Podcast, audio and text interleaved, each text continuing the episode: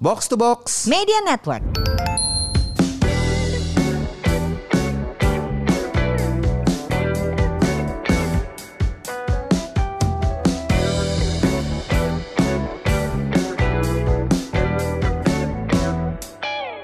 apa sehat tapi nggak punya uang, buat apa makmur tapi sakit-sakitan. Halo, ini podcast Semur bersama saya FX Mario.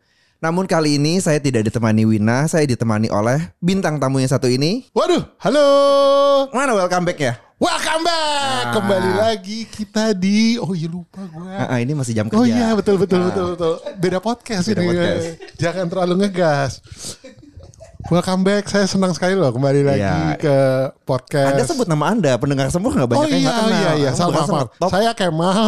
Saya pernah datang ke Semur ini kita ke keempat kalinya berarti Keempat itu kali, aja ya. keempat kali. Keempat kali ya gila. Kalau kalau gol nih gue udah man of the match. Keempat kali gue udah.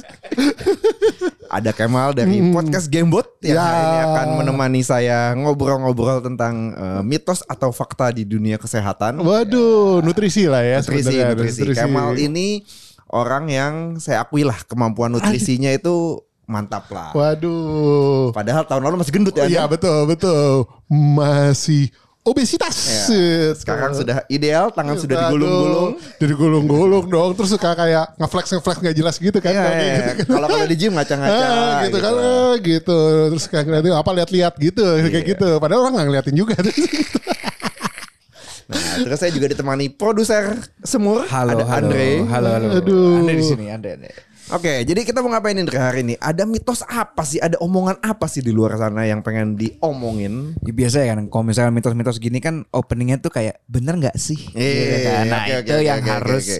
dijawab sama kalian nih ya. Oke. Ya, Jadi untuk yang memulainya, Heeh. yang pertama nih ya Iya. gue kasih. Bener nggak sih kalau nge-gym di waktu setelah bekerja lebih menyehatkan ketimbang waktu sebelum kerja?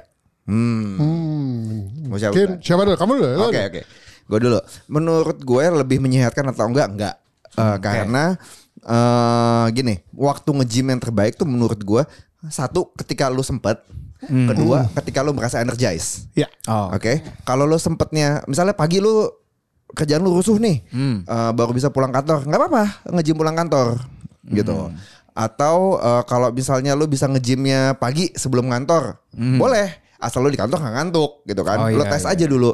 Atau kayak gue dulu zaman gue ngantor, gue suka kabur pas jam makan siang. sudah eh, kabur lagi jauh kan jam makan siang jam 12 sampai jam Oh, 1 iya, iya. Jadi gue waktu itu eh, kantor gue dekat sama gym eh, Gue 15 menit ke gym Latihan 30-45 menit eh, Balik Mandi lagi. makan balik kantor Oh. Jadi gue menghabiskan satu jam gue ke itu Nah itu eh, ternyata gue menyadari bahwa kalau gue sendiri Gue tuh paling energized tuh siang Oke. Eh, jadi udah sarapan, udah makan, olahraga eh, enak. Eh, tapi ada orang yang sukanya pagi, ada yang lebih eh, sukanya malam. nggak ada hubungannya sama kesehatan kok. Hmm, Oke. Kalau mal lu ada tanggapan nggak? Iya, sebenarnya sih kalau dari gua, gue juga sebenarnya saya newbie sebenarnya kan gym. Cuman gini, menurut gua lebih timing yang tepat itu nggak ada. Bener kata Mario, timing yang tepat adalah yang paling cocok buat lu sebenarnya di situ kan, sesuai dengan apa kegiatan lu dan segala macam. Ma- mungkin lebih kepada motivasi ya. Maksudnya bukan motivasi kayak eh, paling nyamannya lah di mana gitu loh sebenarnya gitu. Karena motivasi juga kadang-kadang kita orang nge-gym lu nggak bisa rely on motivation juga sebenarnya kan. Karena ada hari-hari di mana lu juga kayak Feeling nggak nggak mau nggak mau lah gitu capek, gila, makanya ya. sebenarnya nge-gym jam berapapun mau hari berapa kali dalam seminggu pun sebenarnya kayaknya nggak ada konsensus yang jelas gitu loh Oh, oke, Eh, oke. ini lebih optimal misalnya kayak dua kali lebih optimal daripada eh dua tiga kali lebih optimal dari dua atau empat kali lebih optimal atau setiap hari lebih optimal kayaknya nggak ada konsensus yang clear tentang itu gitu. Dan masalah gym juga banyak banyak kayak mitos-mitos kayak eh, mana yang splitnya seperti apa yang ininya gitu ya. Ada yang upper lower ada yang apa push pull day dan segala macam segala macam itu kayaknya belum ada konsensus yang jelas. Cuma mungkin yang jelas adalah lakukan dengan konsisten dan eh, dengan cara yang sesuai dengan kenyamanan kalian itu baru kelihatan hasilnya intinya gitu Nambahin dikit kalau soal jam, eh, lu perhatiin juga ngaruh nggak sama jam tidur lu? Oh, ada iya. orang yang Penting, iya. olahraga pagi, eh oh ya ada yang olah- olahraga malam malah nggak bisa tidur malam ya. Lu Oh, jangan iya, iya, olahraga iya, malam. benar, benar, benar. Ada yang eh, bisanya gue kalau olahraga sore eh, atau malam tidur malam makin enak. Jadi lu lihat apa yang efeknya ke badan lu. tidur lebih penting daripada lu eh, apa eh, biar bisa Yes, tidurnya lu lu eh, mesti olahraga jam Tidur yang berapa. cukup gitu Yes, ya. tidur yang Ya, cukup. itu Oh, part yang penting oke, juga oke. di ininya. Nah, ngomong-ngomong soal tidur, Nah, ada myth menarik lagi ya yang nomor dua ini berhubungan dengan tidur, Heeh. yaitu eh, tendensinya ya older people itu nggak perlu butuh banyak waktu buat tidur. Kau tanya yang udah tua aja lah. Anjing. Jawab lu mal. Ah, lu tuh masih aja terus ya. Gila, sudah seumuran emang kurang ajar emang. Berasanya muda mulu emang si anjing. Oh iya maaf. Hei, ini podcast semua. Aduh, aduh, aduh, ya, ya. Podcast semua Eh, itu kan. emang ya nih, kamu tua-tua keladi memang ya. Tuh. Orang tua doang yang ngomong tua-tua keladi. Gak, Bener, bener, bener. gak ada Gen Z ngomong tua-tua keladi. Gak ada itu. Ketahuan umurnya di situ. Ada orang tua ngaku Gen Z ya ini nih. Sebelah saya ini nih. Um, gimana, Mal? Sebenarnya kalau gua enggak juga dalam artian memang eh, beberapa studi memang mengat- mengatakan yang gua gua pernah baca ya gitu itu kayak di masa muda masa pertumbuhan lah itu memang eh, longer sleep bisa membantu di eh, pertumbuhan tapi kalau kita ngomong bahwa kan pertumbuhan manusia itu kan berhenti di sekitar umur 20-an lah sebenarnya ya gitu. Dia udah kita stop dan kita udah pada dasarnya eh, kita makin tua makin menyusut lagi aja aja lah gitu kan. Pertumbuhan berhenti sekitar umur 20-an. Nah, eh, ketika di umur pertumbuhan itu memang kayaknya ada korelasi antara tidur yang panjang lah gitu ya dengan eh, pertumbuhannya gitu. Jadi makanya anak-anak bayi itu banyak yang kayak disarankan tidurnya lebih panjang daripada see. Ma- cuman kalau makin tua gue rasa justru eh tidak berarti tidurnya makin makin Sedikit. eh, sedikit ya, tapi memang ada eh, kayak rekomendasi lah untuk lo bisa tidur at least 7 sampai 8 jam lah gitu setiap harinya dan memang rata-rata orang kesu- kesulitan biasanya karena biasanya pola hidup sih maksudnya stres mungkin makan dan segala macam segala macam tapi memang katanya sih eh, maksudnya eh, sweet spotnya around 7 sampai 8 lah untuk lo bisa 6 ke- sampai 8. 6 sampai 8 lah, eh, 6 sampai 8 lah minimalnya di 6 eh, sekitar 6 sampai 8 itu yang paling recommended untuk lo secara teratur gitu lah di situ. Oke. Umur berapapun ya gitu. Kalau gue ini dari pengalaman sih, gue sempat ada di fase di mana gue cuma tidur 5 jam. Kebangun, kebangun aja gitu. Eh, ya mungkin orang tua tidurnya lebih pendek mungkin. ya. gue nggak tahu juga. Tapi nah, eh, tapi kalau gue tidur 5 jam, gue akan merasa capek di siangnya.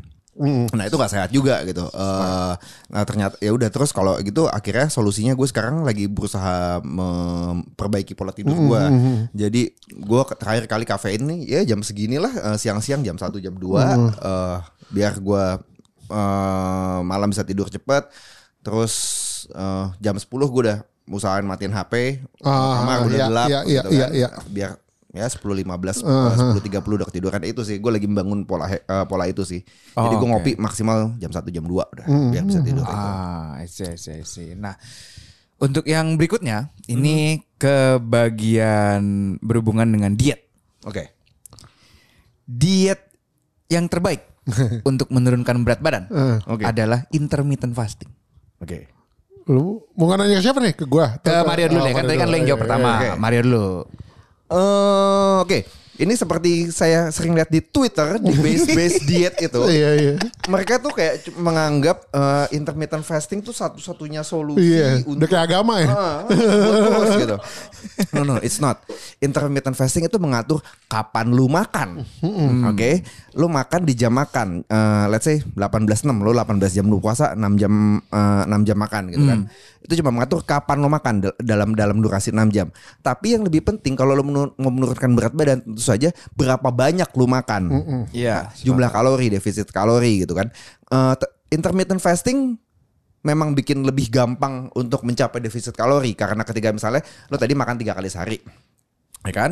Eh, jadi eh, pagi siang malam, lo sekarang jadi cuma punya kesempatan makan eh, siang malam atau pagi siang gitu kan? Lo skip satu makan itu saja lo akan akan lebih gampang mencapai defisit kalorinya sehingga berat lo turun. But it's not the intermittent fasting, it's the how much you eat, Yes. berapa banyak yang lo makan gitu. I see, I see, I see. Kalau Kemal gimana, Mal? Iya sama sih sama Mario. Jadi eh ini di em, apa di dunia nutrisi dan kesehatan ini nih banyak eh, orang-orang yang punya apa ya? Ya itu gue gue bilang sih ibaratnya udah kayak agama gitu loh.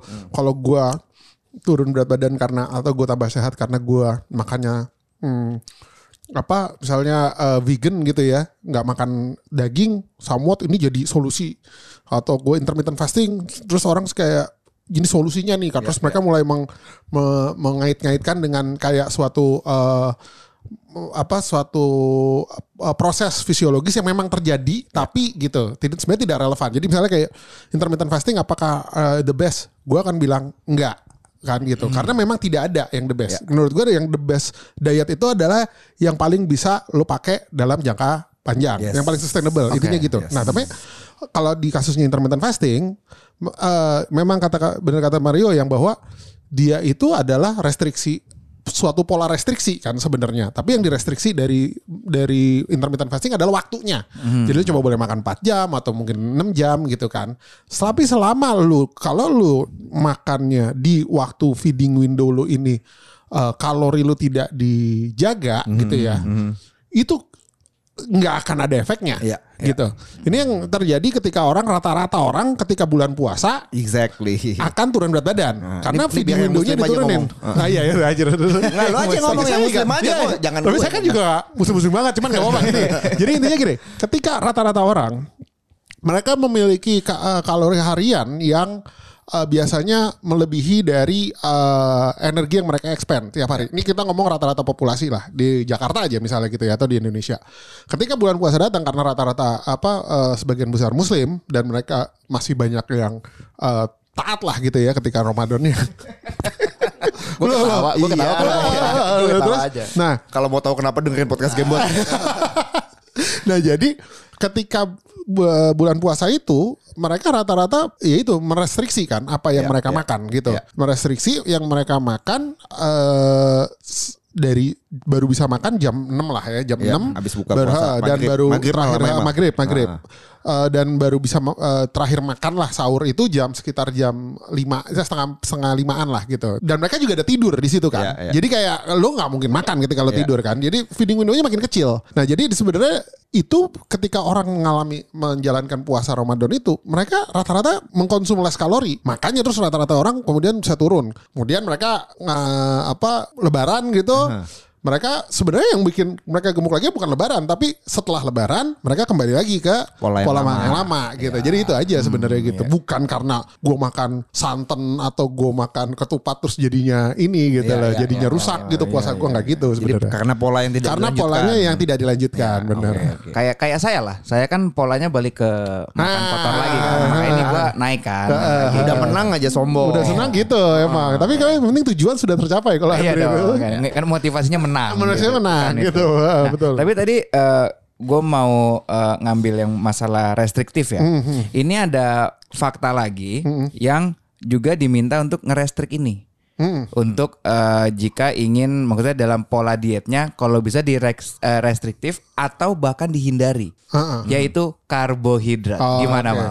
Nah, ini dia deh. Ini paling rasanya tuh ya, gue tuh kayak gue jujur gue paling triggered sama ma- sama Oke, oke, sama sama ini nih Oh, gitu. iya, iya, iya, iya. Jadi banyak banget orang yang kayak eh, sangat takut gitu ya, yang sama karma karbohidrat dan gula ya, karena gula itu kan simplified karbo sebenarnya. Iya. dia satu satu barang lah gitu ya, cuman eh, apa lebih gampang digest. Nah, cuman eh, ini yang selalu gue kadang-kadang tuh orang tuh suka miskomun eh miskomunikasi mis mis Interpretasi. interpretasi misinterpretasinya adalah gini. Mereka terus kemudian jadi takut karena mereka takut dengan misalnya yang disalahkan tuh adalah gini. Lu jangan makan yang manis-manis gitu kan. Apa sih yang manis-manis? Kue misalnya gitu kan. Lu ngomong kayak kue tart gitu atau cakes atau eh, es krim atau Boba. eh, boba, atau Lapis legit eh, bisa dibeli di cookies, ya Lapis cheesecake lapis legit gitu. 8.000 kalori, satu loyang. ya betul.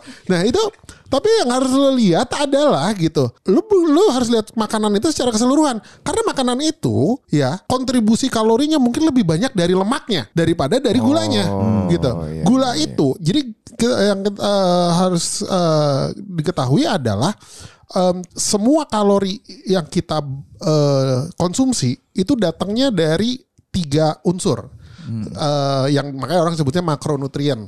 Makronutrien itu ada karbohidrat, protein, sama lemak. Nah, kalau di di ininya kalau kita lihat jadi karbohidrat sama protein itu satu gramnya itu bisa dimetabolai sama badan jadi sekitar 4 kalori eh, energi. Ya. Sedangkan lemak satu gram lemak itu di di meta, eh, dimetabolisir sama badan itu menjadi sekitar 9 kalori lemak. Jadi gram eh, iya sorry 9 kalori energi. Jadi kayak eh, gram per gramnya lemak itu memproduksi lebih banyak energi daripada karbohidrat maupun gula. Ya. Nah, jadi ketika kita lihat makanan orang me- me- mendemonize makanan-makanan yang manis itu gitu ya. Tapi kita lihat bahwa cookies itu ada butternya misalnya gitu ya, ada menteganya, kemudian dia di- juga dicampur dengan susu mungkin gitu ya. Jadi dan krim juga mungkin dengan segala macam bau dan bahan-bahan itu mengandung fat daripada eh daripada gula gitu. Jadi kita mendemonize sesuatu yang manis, padahal kita nggak melihat bahwa kondisinya adalah kontribusi fat itu lebih banyak sebenarnya di situ. Jadi eh orang akhirnya jadi takut dan padahal karbo itu adalah one of the immediate source of energy. Jadi eh, ini salah satu mitos yang gue paling nggak nggak suka. Jadi eh, artinya gini, orang yang bilang bahwa karbohidrat itu berdasarkan eh, adalah eh, yang bikin kita harus dihindarin karena itu bikin gemuk segala macam. Mereka itu jadi ada eh, namanya kalau di eh, nutrition itu ada s- apa namanya insulin model obesity. Jadi eh, insulin model obesity ini adalah intinya adalah mereka berpikir bahwa kalau kamu mau makan karbohidrat yang banyak, insulin kamu akan naik, karbohidrat itu disimpan dan karbohidrat ketika kamu jalan apa segala macam, badan kamu tuh bakarnya karbohidrat bukan bakar lemak. Nah, Oke. ha-ha. jadi intinya lo kalau semakin banyak lo makan karbohidrat, semakin lemak lo jadi nggak kebakar, jadi menghambat gitu loh. Nah, Oh.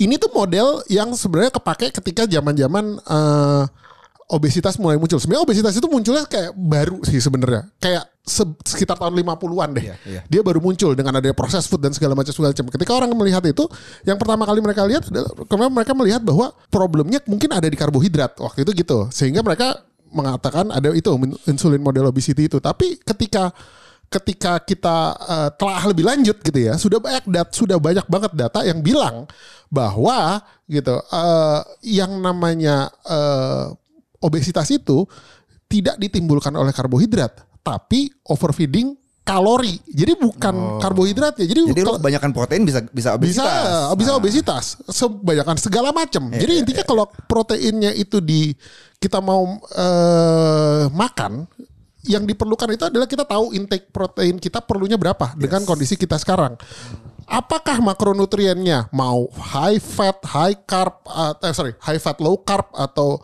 eh, high carb low fat atau eh, whatever lah ya itu menjadi tidak terlalu relevan gitu. Jadi eh, artinya tidak ada suatu food group yang perlu dihindarin. Yang perlu dihindarin adalah eh, pola makannya Ya. yang berlebihan sebenarnya di situ. Overfeeding di kalorinya aja sebenarnya gitu.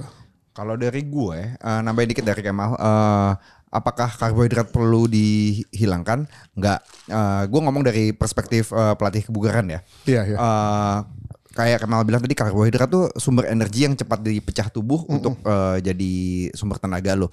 Eh, kalau lu kekurangan karbohidrat, lu jadi nggak bisa olahraga, lu lemes, gitu kan?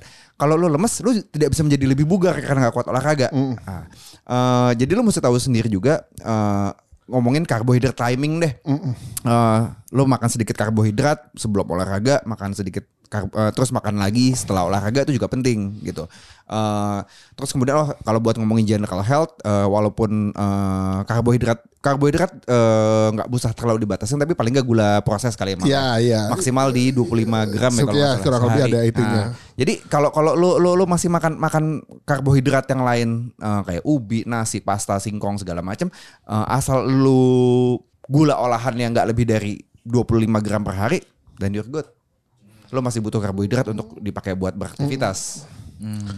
gitu ya sebenarnya sih- jadi intinya sih kalau gue memang ketika kita kalau ngomong nutrisi in terms of general eh, pada dasarnya semua eh, badan kita itu akan mulai ibaratnya kalau kalau mesin gitu ya kerjanya mulai bermasalah ketika memang body fatnya kita sudah eh, meningkat. Tapi triggernya itu bisa macam-macam. Jadi kayak misalnya kita nggak usah mikir kalau makanan kalau menurut gua saat ini gitu ya kalau misal kalau ini kan kalau Mario tadi ngomongnya dari sisi seorang pelatih kebugaran ya. Tapi kalau gue kalau gua ngomongnya dari sisi eh, general population yang harus dipikirkan adalah eh, kalorinya aja dulu gitu. Ya. Karena eh, problemnya itu akan muncul gitu. Kalau lu mulai mikirin ma lu mikirin makro makronutriennya, wah gue harus ngurangin karbo, atau gue harus nambahin lemak, whatever segala macam. Tapi sebenarnya overall kalori lu masih masih lebih.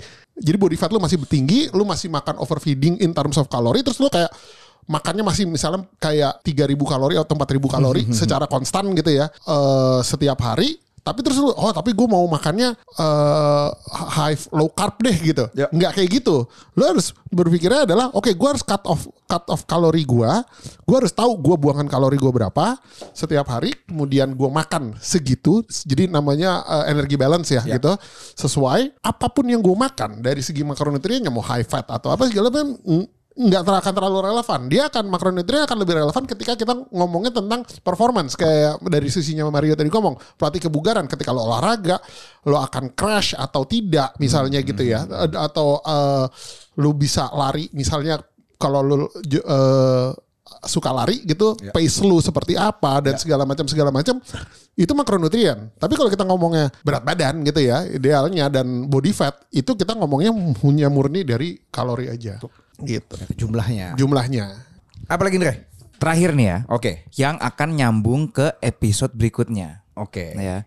Ini pertanyaan saya eh bu- kok pertanyaan saya sih ini health myth-nya Iya, iya. yang orang-orang biasanya itu bener nggak sih kalau nge-gym Aha. ya kalau mau bikin otot Aha. itu wajib beli susu protein Ini dia, ini juga nih. Ah, Jimbro, Jimbro ya kayak gini-gini ya. Jimbro ya. iya, kayak iya. lu tuh harus beli susu protein bro gitu. Oke. Kalau lu nggak minum habis workout, otot Wah, kempes. Ah, kempes ya. Feeding apa window apa? Oh, apa apa apa anabolic window. Anabolic window. Anabolic window. Begitu kelar ngangkat langsung minum. Oh gitu, gila, gitu. kalau perlu lo ya gitu ngangkat sekali minumnya dua kali kalau biar maksimal. Deh, Oh, ya. Jadi eh, ini juga salah satu myth. Jadi kalau eh, orang kalau karbohidrat mythnya begitu ya yang tadi kita bahas. Lemak juga pokoknya bikin gendut gitu. Nah, kalau protein ini mythnya mau minumnya harus sering gitu kan gitu. Harus harus habis olahraga gitu. Ini enggak juga gitu. Jadi kayak em, satu eh, gua ini ada dua eh, dua hal yang mau gua eh, apa fokusin di sini. Ya. Yang pertama adalah eh, susu proteinnya dulu ya. Apakah perlu susu protein? Enggak. Karena eh, susu protein itu adalah salah satu bentuk protein yang bisa kita konsumsi. Jadi it's sama aja protein yang kita konsumsi dari sus- dari whey protein atau eh, apa Lo makan- atau lo makan misalnya eh, daging gitu ya proteinnya sama, memiliki ke ke ke apa eh, istilahnya em, complete proteinnya itu sama, amino asidnya dan segala macam segala yes. macam asam amino dan segala macamnya eh, sama.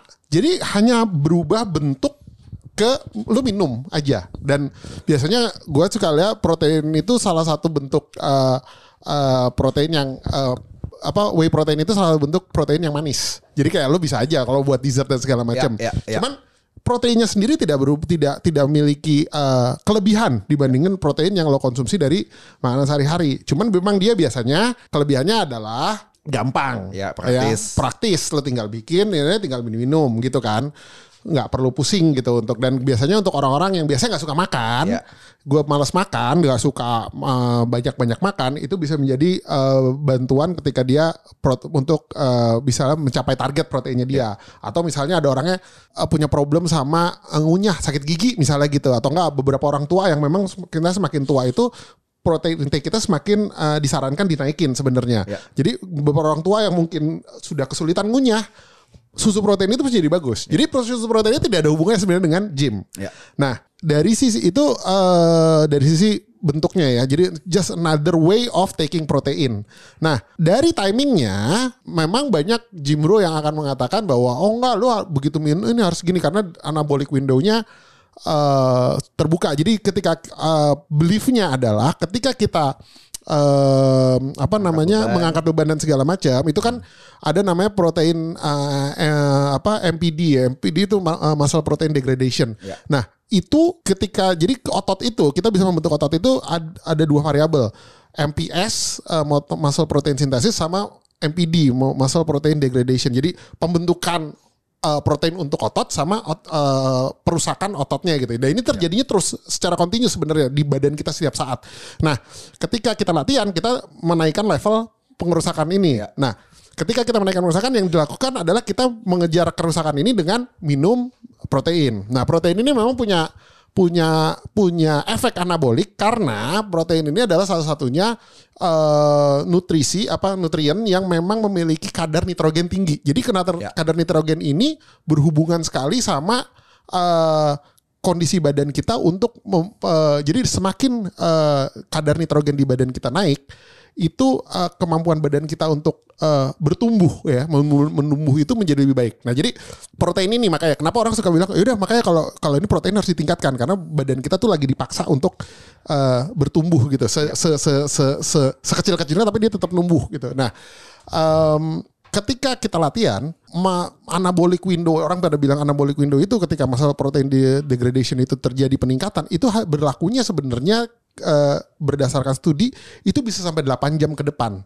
Jadi sebenarnya kayaknya tidak ada tidak ada eh, efek gitu ya untuk lo minum timingnya habis olahraga kayak atau nanti misalnya misalnya lo latihan jam 9 gitu ya lo latihan jam 9 lu, lu latihan sampai jam sampai jam 10 gitu. Terus lu kayak minum protein saat itu sama misalnya lu nunggu nih gue makan siang deh gitu Ya, ya. Gue ya, makan siang, gua gue makan makan apa gitu kan di Ya. jam 12 atau jam 1 gitu nggak ada efek yang terlalu signifikan gitu loh. Jadi memang dan itu sudah pernah di pernah dilakukan bahwa eh, protein timing sebelum dan sesudah olahraga itu apakah memiliki efek terhadap peningkatan muscle eh, dari si eh, pelakunya sendiri gitu ya. Jadi mereka melakukan studi populasi terhadap beberapa orang dan sudah melakukan gerakan yang sama nih. Ya. Waktu itu nggak salah leg extension.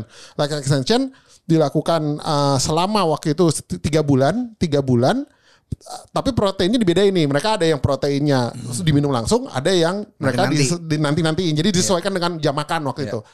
Ternyata mereka semuanya mengalami peningkatan dari sisi otot dan segala macam dan tidak ada stati- statistical significance antara yang grup satu sama grup yang lainnya. Jadi kayaknya memang kita perlu cuman perlu mikir, oke gue target protein gue sehari berapa sih tanpa harus memikirkan kapan gue harus minum proteinnya. Kalau gua eh, lebih ngeliatnya alasan praktis. gue setuju sama Kemal. Eh, ini bukan bukan masalah kapan kita minumnya, tapi seberapa banyak protein yang Yes. lo butuhkan dalam Ah, sehari. dalam gitu sehari, kan. betul. Kan rule of thumb-nya satu setengah sampai dua gram protein Iya, ah, ah, eh, per, per- kilogram per berat kilogram badan. berat badan, betul. kayak gue deh, gue 70 kilo berat badan gue. Eh, berarti gue butuh protein itu 100 gram sampai 140. 140. Ya kan? Nah, eh, untuk mencapai 100 gram ini gue butuh berapa? Itu gue butuh paling gak 500 gram dada ayam. Dada ayam tuh protein yang paling tidak enak itu eh, 100 gramnya itu cuma 100 gram dadi- daging Dada ayam, ayam, itu eh, eh. cuma 20 gram 20, protein. ha, Berarti 20 makan setengah 25, kilo. eh, eh. Ya kan? Capek kan makan setengah Iya, kilo benar, gitu kan. Lo mau bagi tiga juga tiap tiga kali makan makan Iya, makan dada betul, ayam ini gitu kan kagak enak. Eh ya udah lu eh, bisa bisa oke kalau lu susah untuk eh, makan 500 gram dada ayam tiap hari, lu bisa selingin dengan minum susu protein. Heeh. Ya kan? Eh, satu satu shake itu satu scoop itu 20 sampai 30 lah, tergantung- 30. tergantung brand lah ya biasanya. brand, 25 sampai eh 20 sampai 30 lah. Itu kan eh, kalau gue udah minum satu gelas paling nggak udah mencukupi 30% kebutuhan protein Iya. gue sehari gitu. Itu biar lebih gampang aja. Eh, terus kedua misalnya kayak kayak tadi kita kelar nge-gym eh, belum sempat makan nih mau langsung apa ya mungkin bisa buat lu minum susu protein buat ganjel jadi buat, Eh, buat alasan, gitu. alasan praktis gitu Ah. kalau buat gua Nah itu gitu. juga susu protein, gue juga perlu ngejelasin bahwa susu protein itu sebenarnya dia punya eh, tiga macam ya. Ya. Jadi ada susu protein itu ada yang namanya whey protein, ada yang namanya whey protein isolate, sama ada hydrosalate, eh, hidrosalat ya, hydrosalate gitu bahasa Inggrisnya. Jadi pada dasarnya ini pada dasarnya pembentukan cuman masalah kalorinya aja, sama eh, apa dia ketika misalnya kayak whey protein ini yang paling populer dan paling murah biasanya. Itu dia em, paling eh, dia tuh ada masih ada dicampur dengan ada karbonya ada gulanya gitu iya, ya. iya. sehingga ketika untuk sebagai pre workout kalau lu mau minum protein menurut gue akan lebih menyarankan ini. Karena karena, ada karbonya. dia ada karbonya. Yang- yang akan dia akan ngasih boost lo ha, Nah. ketika lo um, Olahraga. lagi olahraganya. Kalau protein yang uh, isolate dia murni protein doang. Dia tuh refine prosesnya lagi dari si whey protein ini. Biasanya paling mahal tuh. dan Iya, dia iya, paling mahal mahal, lebih mahal, ha, gitu mahal lebih mahal. Jadi dan itu tapi dia murni protein. Jadi lebih murni proteinnya sehingga dia kalorinya lebih rendah karena tidak ada lagi tempelan si karbo, dan segala macamnya itu. Jadi tapi kalau itu gua akan lebih menyarankan untuk ke uh, recovery ya post workout gitu untuk recovery-nya. Karena uh, lu nggak perlu nggak karbo juga kalau lu udah selesai uh, latihan gitu kan gitu. Mungkin tidak perlu tidak perlu terlalu banyak lah gitu. Tapi kalau emang lo tapi kalau protein gua akan menyarankannya lebih ya udah lo take take uh, account sem- target lu sehari berapa sih itu aja yang dikejar gitu nggak usah mikirin timing olahraganya dan setuju segala gua. macam Sebenarnya kalau dihitung-hitung kalori apa rupiah per gramnya murah juga. Iya, oh iya, paling murah sebenarnya. murah Kalau kalau gram per gram rupiahnya, Ya. uh, whey protein itu paling murah. dibandingkan eh, Dibandingkan eh, yang kayak lu even ayam, dada ayam yang kayak gitu-gitu. daging sapi. uh, itu paling murah emang whey protein. Tapi bukan berarti itu wajib, Wajib. untuk Wajib, dibeli. Ya. betul betul.